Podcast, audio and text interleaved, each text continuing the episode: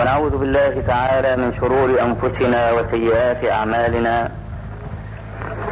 من يهد الله تعالى فلا مضل له ومن يضلل فلا هادي له. وأشهد أن لا إله إلا الله وحده لا شريك له. وأشهد أن محمدا عبده ورسوله. يا أيها الذين آمنوا اتقوا الله حق تقاته ولا تموتن إلا وأنتم مسلمون. يا أيها الناس اتقوا ربكم الذي خلقكم من نفس واحدة وخلق منها زوجها وبث منهما رجالا كثيرا ونساء واتقوا الله الذي تساءلون به والأرحام. إن الله كان عليكم رقيبا. يا أيها الذين آمنوا اتقوا الله وقولوا قولا سديدا. يصلح لكم أعمالكم ويغفر لكم ذنوبكم. ومن يطع الله ورسوله فقد فاز فوزا عظيما. أما بعد فإن أصدق الحديث كتاب الله تعالى وأحسن الهدي هدي محمد صلى الله عليه وآله وسلم وشر الأمور محدثاتها وكل محدثة بدعة وكل بدعة ضلالة وكل ضلالة في النار. هذا هو الدرس الخامس عشر من الدروس المستفادة من صحيح السيرة النبوية على صاحبها أفضل الصلاة والسلام. وما زلنا نتكلم عن ضوابط المصلحة. سمعت بعض الذين يجيزون الخروج والاعتكاف في المساجد. سمعت منه سمعت ممن سمع منه هذه الفتوى. قال يجوز للمسلم أن يخرج في سبيل الله وأن يعتكف في مسجد فيه قبر. إن كانت المصلحة تقتضي ذلك. بل قال ما هو أبعد من ذلك؟ قال لهم نصا إذا رأيتم جماعة يطوفون حول ضريح فطوفوا معهم بنية الدعوة. طف معه حول القبر وأنت تمشي في الأشواط كلمه ادعوه. إن كانت المصلحة تقتضي ذلك. ثم احتج بقصة الغرانيق. ولقد طار لبي وقف شعري واقشعر جلدي. أن يكون هناك مسلم يحتج بقصة الغرانيق. وأنا أعلم أن الجمهور الأعظم من الجالسين لا يعرف قصة الغرانيق.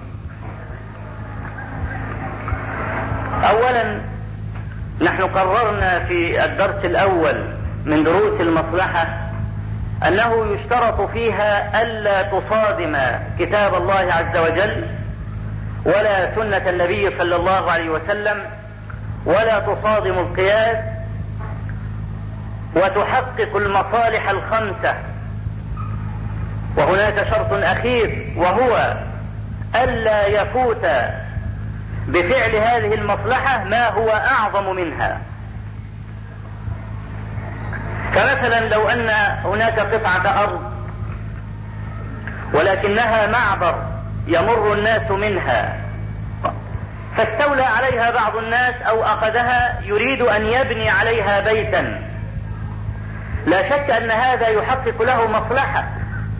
لكن تحقيق هذه المصلحة ضيع مصلحة أعظم منها وهو انتفاع الجمهور الأعظم بهذه القطعة نحن نسلم أن فردا واحدا أو اثنين أو ثلاثة انتفع بهذا المشروع لكنه عاد بالضرر على ألف رجل أو مئة رجل أو خمسمائة رجل.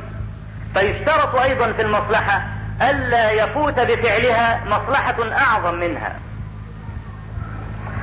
فهذا الذي يجيز لمن يخرجون أن يعتكفوا في مسجد فيه قبر. فإن النبي صلى الله عليه وآله وسلم قال فيما صح عنه لعن الله اليهود والنصارى اتخذوا قبور أنبيائهم مساجد. ألا إني أنهاكم عن ذلك؟ قالها ثلاث مرات. وهو آخر ما تكلم به صلى الله عليه وسلم. قالت عائشة يحذر مثل ما صنعوا. أي يحذر المسلمين مما صنعه اليهود والنصارى. فإن هذا بضد التوحيد الخالص. عندما تقول يا حسين مدد أو يا بدوي مدد أو يا دسوقي مدد أي أنك تقول إنني أريد منك أيها المقبور أريد مددا أريد عونا.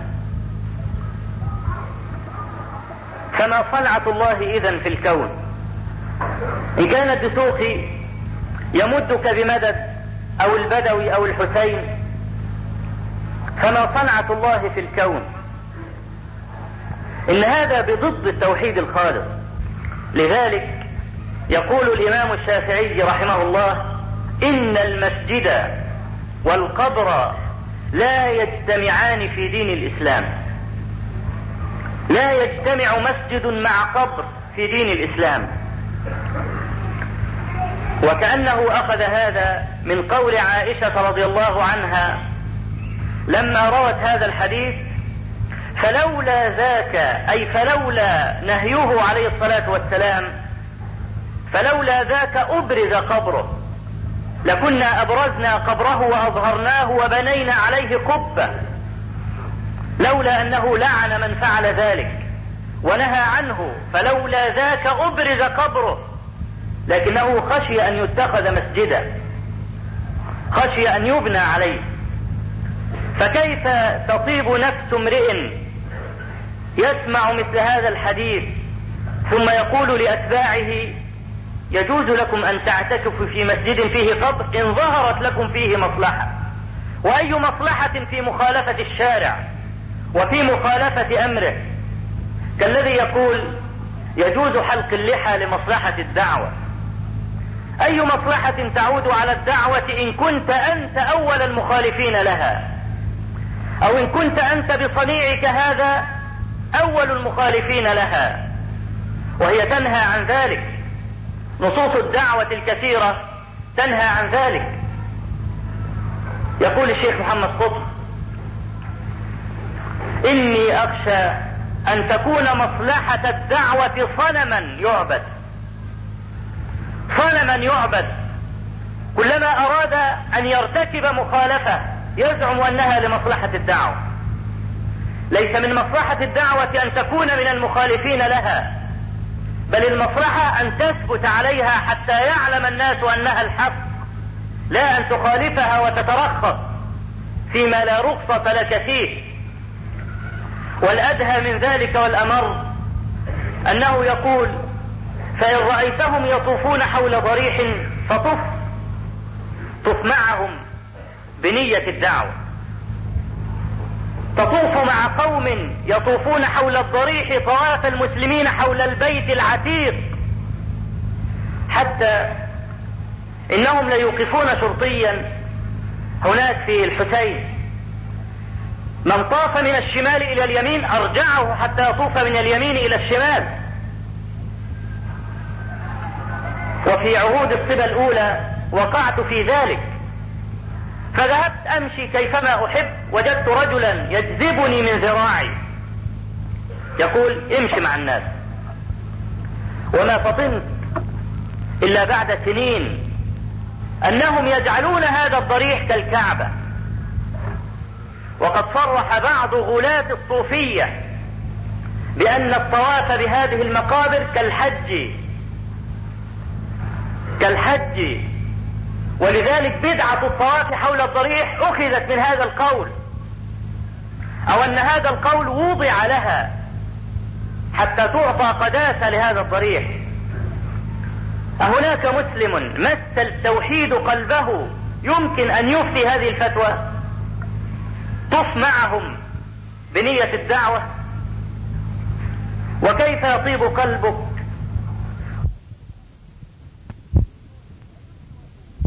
من دونه ويشرك به ثم لا يتململ قلبك أو يقشعر بدنك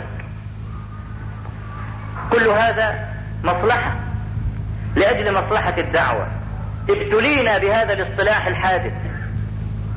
لذلك نحن نركز على ضابط المصلحة. فهذه الفتوى لا قيمة لها لأنها خالفت السنة. ونحن جعلنا ضابط المصلحة ألا يخالف ما يدعو إلى حفظ الأشياء الخمسة التي ذكرناها قبل ذلك ولا يخالف قرآنا ولا سنة ولا قياسا ولا يفوت مصلحة أعظم منها. فهذه الفتوى مضادة لصحيح الحديث النبوي فلا قيمة لها. إنما المفزع في الأمر أنه احتج لصنيعه بقصة الغرانيق. ما هي قصة الغرانيق؟ ذكر ابن جرير وغيره أن النبي صلى الله عليه وآله وسلم لما تلا قوله تعالى من سورة النجم أفرأيتم اللات والعزى ومناة الثالثة الأخرى؟ ألكم الذكر وله الأنثى؟ بينما هو صلى الله عليه وآله وسلم يتلو هذه الآيات إذ أدخل الشيطان في تلاوته جملتين. أفرأيتم اللات والعزى ومناة الثالثة الأخرى تلك الغرانيق العلا وإن شفاعتهن لترتجى. الغرانيق جمع غرنيق وهو الصنم الوثن. آه النبي صلى الله عليه وسلم يقول إن شفاعة الأصنام ترجى ويرغب فيها. هل يمكن أن يجري الشيطان على لسان النبي عليه الصلاة والسلام مثل هذا القول؟ ولا يتفطن له. تلك الغرائن أفرأيتم اللات والعزى ومناة الثالثة الأخرى؟ تلك الغرانيق العلا. وإن شفاعتهن لترتجى. قال له جبريل أنا ما أتيتك بهذا. أنا ما أنزلت عليك هذا الذي تقرأ. فيزعمون أنه, أنه صلى الله عليه وسلم قال قد افتريت على الله. قد افتريت على الله. فأنزل قوله تعالى وما ارسلنا من قبلك من رسول ولا نبي الا اذا تمنى القى الشيطان في امنيته فينسخ الله ما يلقي الشيطان ثم يحكم الله اياته والله عليم حكيم. ليجعل ما يلقي الشيطان فتنة للذين في قلوبهم مرض والقاسية قلوبهم وإن الظالمين لفي شقاق بعيد. وما أرسلنا من قبلك من رسول ولا نبي إلا إذا تمنى. معنى تمنى أي تلا وقرأ ومنه قول حسان بن ثابت في عثمان تمنى كتاب الله أول ليلة أي قرأ. فمعنى تمنى هنا أي قرأ وتلا. وما أرسلنا من قبلك من رسول ولا نبي إلا إذا تمنى أي قرأ ألقى الشيطان في أمنيته. يعني بينما هو يقرأ إذ الشيطان يدس شيئا في قراءته. فينسخ الله ما يلقي الشيطان ويبطله ثم يحكم الله آياته. فلا يصير فيها لبسا ولا ادخالا من الشيطان. والله عليم حكيم. فيقولون أنه صلى الله عليه وسلم لما أدخل الشيطان على قراءته وهو يقرأ تلك الغرانيق العلا إن شفاعتهن لترتجى. سجد المشركون والمسلمون جميعا. وقال المشركون ما ذكر آلهتنا قبل اليوم بخير ولا نرى إلا أنه داهننا وامتدح آلهتنا فسجدوا لذلك إلا رجلا واحدا وهو أمية بن خلف. ما رضى أن يسجد وأنف من ذلك وأخذ حفنه من تراب ووضعها على جبهته. هذه القصة ليس لها إسناد صحيح. وهي باطلة. ولو جاءت بأصح الأسانيد لجزمنا أنها باطلة بغير تردد. إن في إثبات هذه القصة تضييعا للعصمة التي تم يمتاز بها الأنبياء. أرأيتم إلى نبي يدخل عليه الشيطان شركا وكفرا صريحا ثم لا يعلم. ثم لا يعلم أن هذا من الكفر أو الشرك. ثم لا يعلم أن هذا من إدخال الشيطان عليه. إن في إثبات هذه القصة تضييع للقرآن ذاته. فيأتينا ملحد يقول لعل هذه الآية من إدخال الشيطان على النبي وهو لا يدري. تلك الغرانيق العلا غرنيق غرانيق جمع غرنيق أي تلك الاصنام علية المنزلة. ماذا فعل النبي صلى الله عليه وسلم من يوم أن بعث؟ ألم يبعث بمحاربة هذه الأصنام وتحطيمها؟ كيف يأتي بعد ذلك ثم يمدحها بأنها علية لها شأن علي. ثم تلك اسم إشارة للبعيد. ويقولون أن استخدام اسم الإشارة للبعيد يفيد علو المنزلة. كقول الله تعالى ذلك الكتاب لا ريب فيه. بخلاف هذا الكتاب لا ريب فيه. ذلك اسم إشارة للبعيد. أي أنه يفيد بعد المنزلة وعلوها. فعندما يقول تلك الغرانيق العلا فيشير إليها بهذا التعظيم الذي يحمل في طيات اسم الإشارة. ثم هذا التصريح العلا بأنها علية. إن شفاعتهن لترتجى. أي أنك لو ذهبت إلى صنم وطلبت منه الشفاعة لكان ذلك مما يرجى منك. لو أن عبدا من عبيد الله من المسلمين صرح بهذه العبارة ثم اعتقدها لكفرناه بلا خلاف.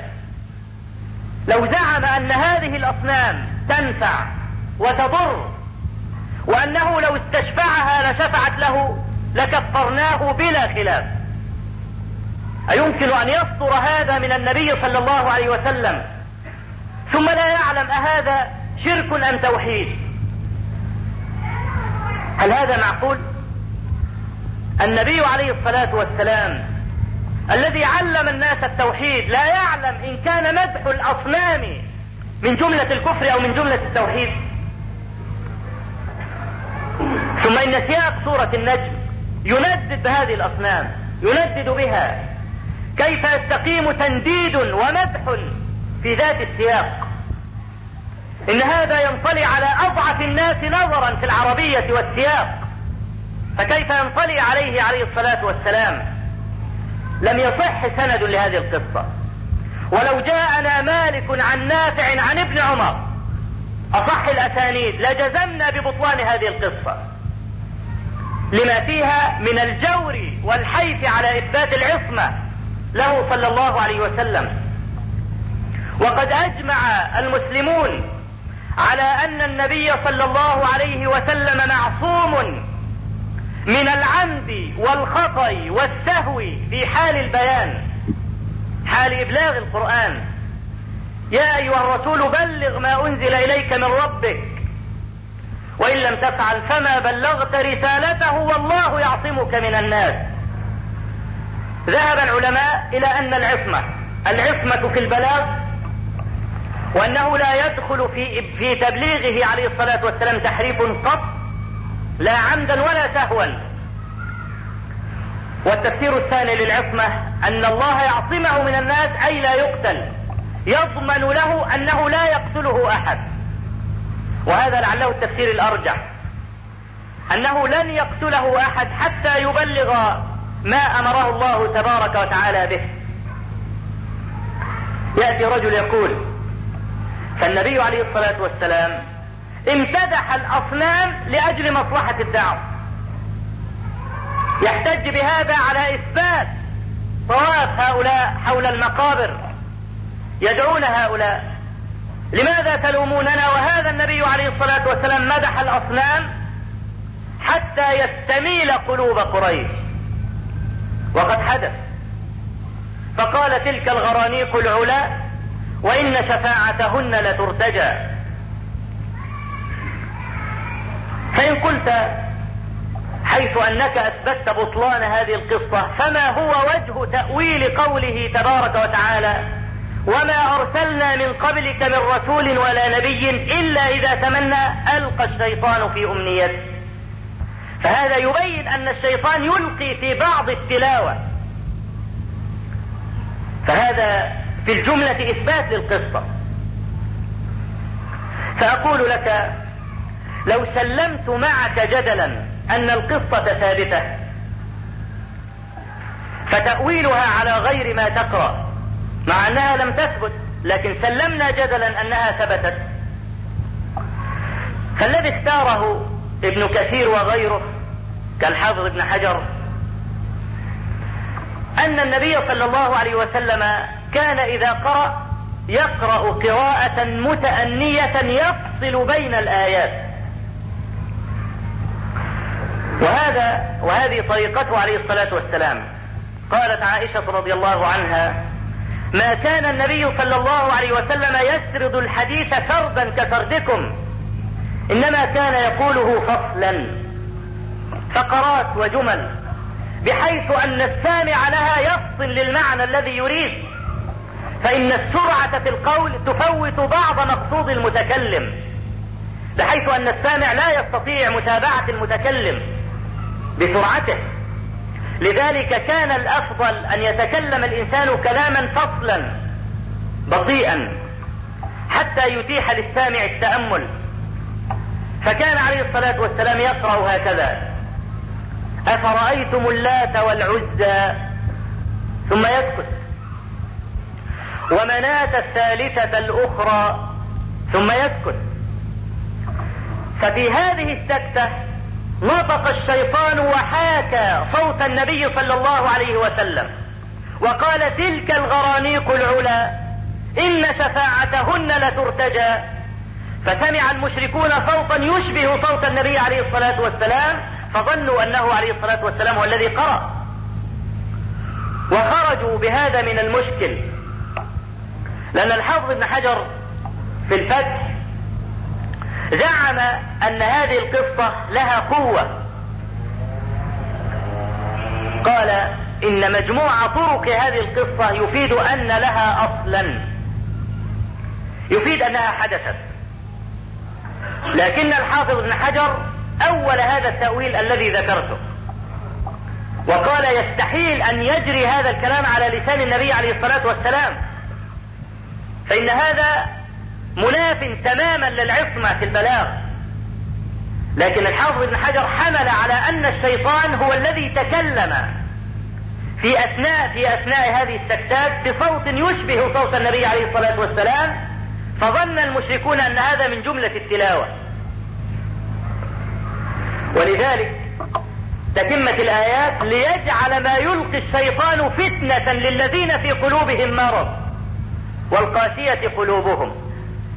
أي أن الذي ألقاه الشيطان بلسانه صار فتنة لهؤلاء وظنوا أن النبي صلى الله عليه وسلم يحابي آلهتهم.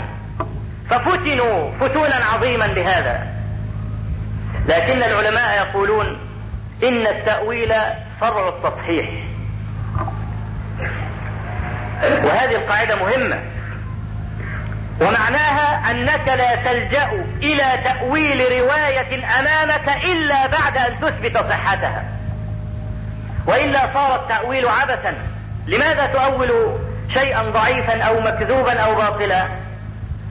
يكفي في رد الباطل أنه باطل. لذلك يقولون إن التأويل فرع التصحيح. أي أنك لا تلجأ لتأويل رواية أمامك إلا بعد أن تثبت أنها صحيحة. فإن ثبت لديك أنها ضعيفة أو مكذوبة أو منكرة فلا تشتغل بتأويلها. لذلك نحن نضرب صفحا على هذه القصة ونرى أنها باطلة. وقد صرح جمع من العلماء ببطلان هذه القصة. حتى قال القاضي عياض وعلى التسليم بصحتها ونعوذ بالله من صحتها. لما أثبت ضعفها وبطلانها قال وعلى التسليم أنها صحيحة فتأويلها كذا وكذا ونعوذ بالله من صحتها. فإنه ليس لها إسناد يقوم على طريقة أهل الحديث فكفانا الله مؤونتها ومؤونة تأويلها.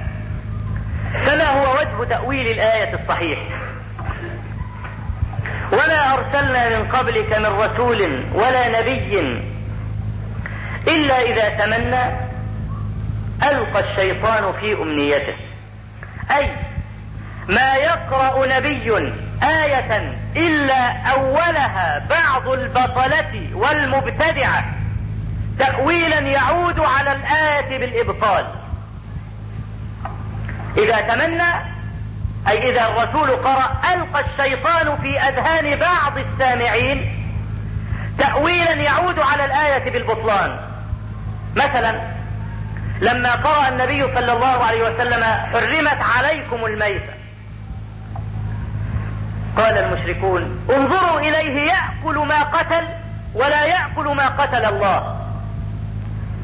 لأن الله تبارك وتعالى قال والمنخنقة والموقوذة والمتردية. والنطيحة المنخنقة أي التي تخنق. والموقوذة أي التي تضرب بحديدة أو خشبة على رأسها فتموت.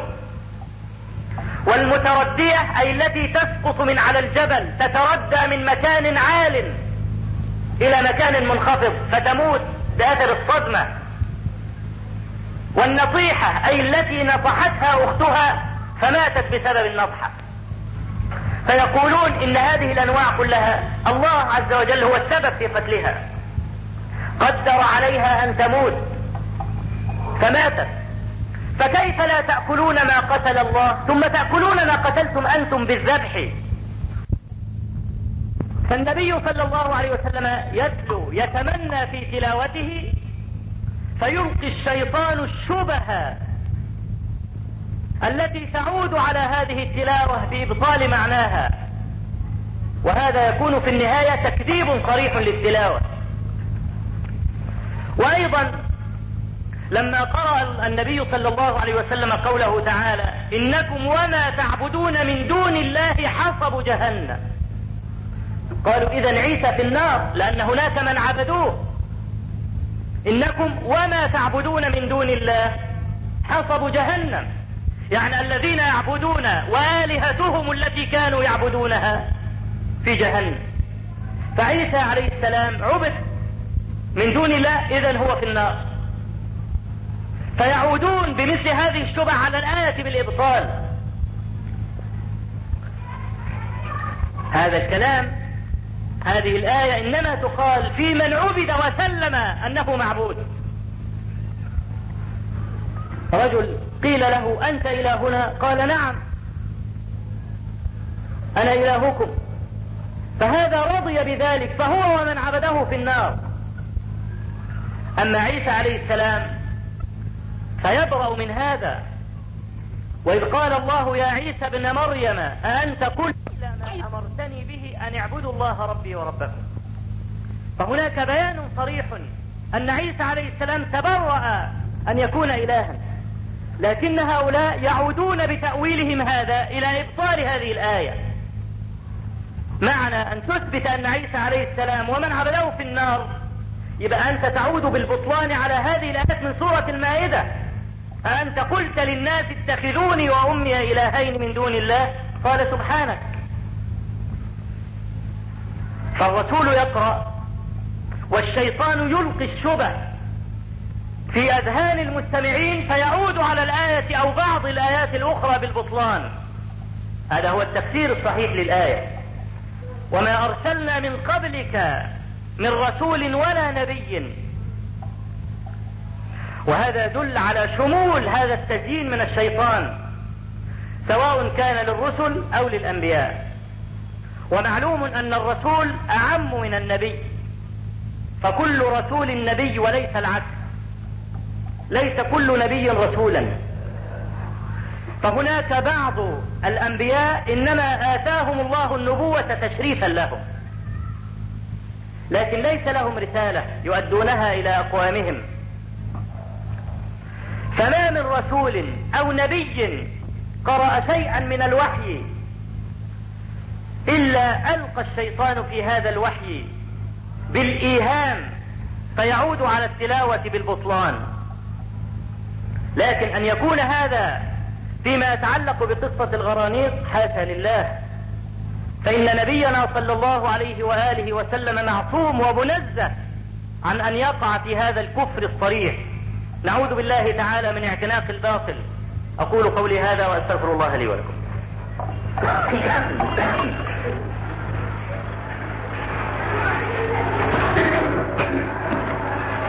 الحمد لله رب العالمين له الحمد الحسن والثناء الجميل.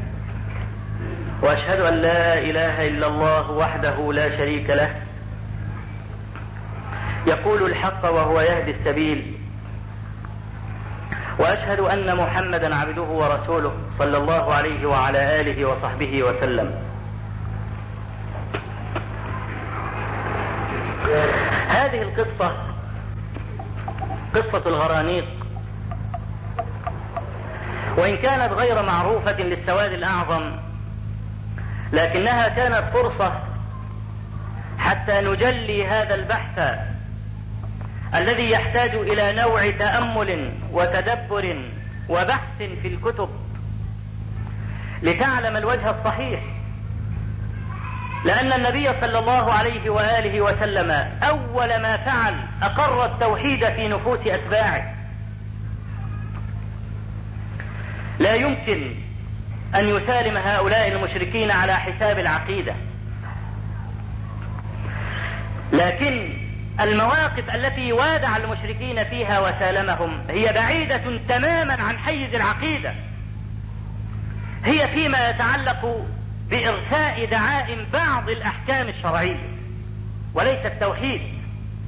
ليس في التوحيد مداهنة. ولقد كان من اليوم الأول يبين لهؤلاء المشركين أن هذه الآلهة ما تغني ويجهر بها حتى أنه لما قال لهم قولوا لا إله إلا الله أبوا أن يقولوها مجرد قول حتى عمه لما قال له قلها أحاج بها بين يدي الله عنك قلها تخرج من من فمك فقط لك بها. فاندرى أبو جهل وقال يا أبا طالب أترغب عن ملة آبائك؟ قال لا أرغب عن ملة آبائي ومات بغير أن يقولها. كان عليه الصلاة والسلام أثبت من الجبال الرواسي في تبليغ هذه الكلمة مع تبيين حدودها. إن المشركين الأول كانوا يفهمون هذه الكلمة أفضل من بعض علماء المسلمين الآن. ولا أقول السواد الأعظم من المسلمين. لو أن المسلمين الآن فهموا لا إله إلا الله كما فهمها المشركون الأوائل لما وجدت هذه الوثنية عندهم. وليس بالضرورة نسوي بين المسلمين وبين المشركين نعوذ بالله من ذلك. إنما نتكلم في فهم الكلمة. لقد حارب العرب حروبا شديدة ضد المسلمين حتى لا يقولوا هذه الكلمة. طب قولوها مجرد قول. مجرد قول يخرج من أفواهكم أبدا. لأنهم كانوا يفهمونها حق الفهم. معنى لا إله إلا الله أي لا معبود بحق سوى الله ولا مشرع بحق سوى الله. وإن الحكم إلا لله فمعنى الاعتراف بهذه الكلمة؟ خلع الأنداد خلع السلطان خلع الصولجان خلع هذا المنصب الرفيع الذي كان يتمتع به سادة قريش من أن يحكموا في دماء الناس بغير معقب لهم. يعني تسلب كل السلطات من أيديهم إذا قالوا لا إله إلا الله. لذلك كانوا يأبون أشد الإباء أن يقولوها أو يعترفوا بها. هذا معنى لا إله إلا الله. أن الله تبارك وتعالى إن حكم فيك بحكم أن تنصاع له. ولا يجوز لك أن تقدم بين يدي الله ورسوله. فهذا كان واضحا جدا من دعوة النبي عليه الصلاة والسلام.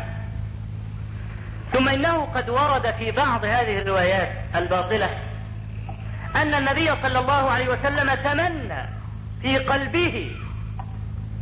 وهذا تفسير آخر لمعنى إذا تمنى.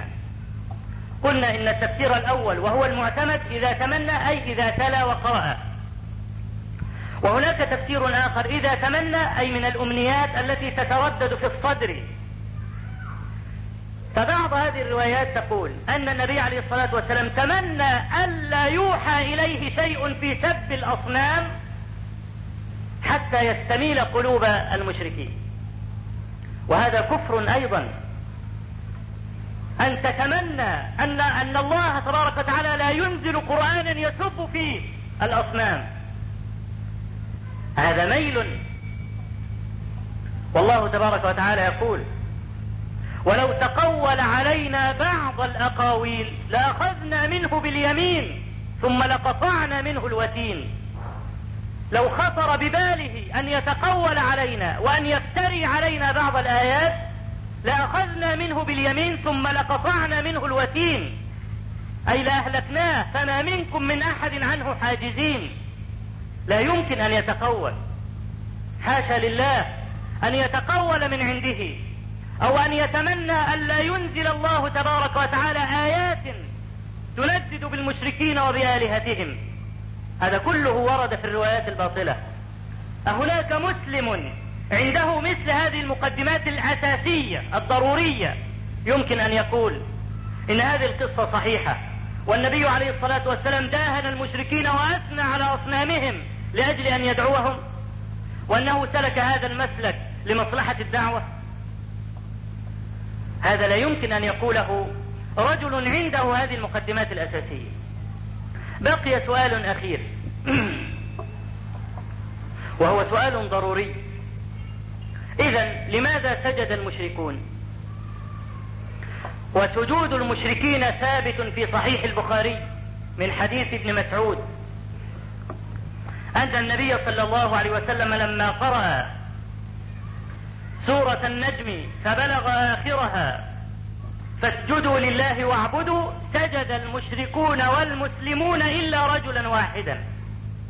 هو أمية بن خلف كما ورد في بعض الروايات وفي وفيه خلاف في تعيين اسم الذي لم يسجد خلاف أنه أخذ بعض تراب ووضعه على جبهته. هذا صحيح ثابت. لماذا سجدوا إذا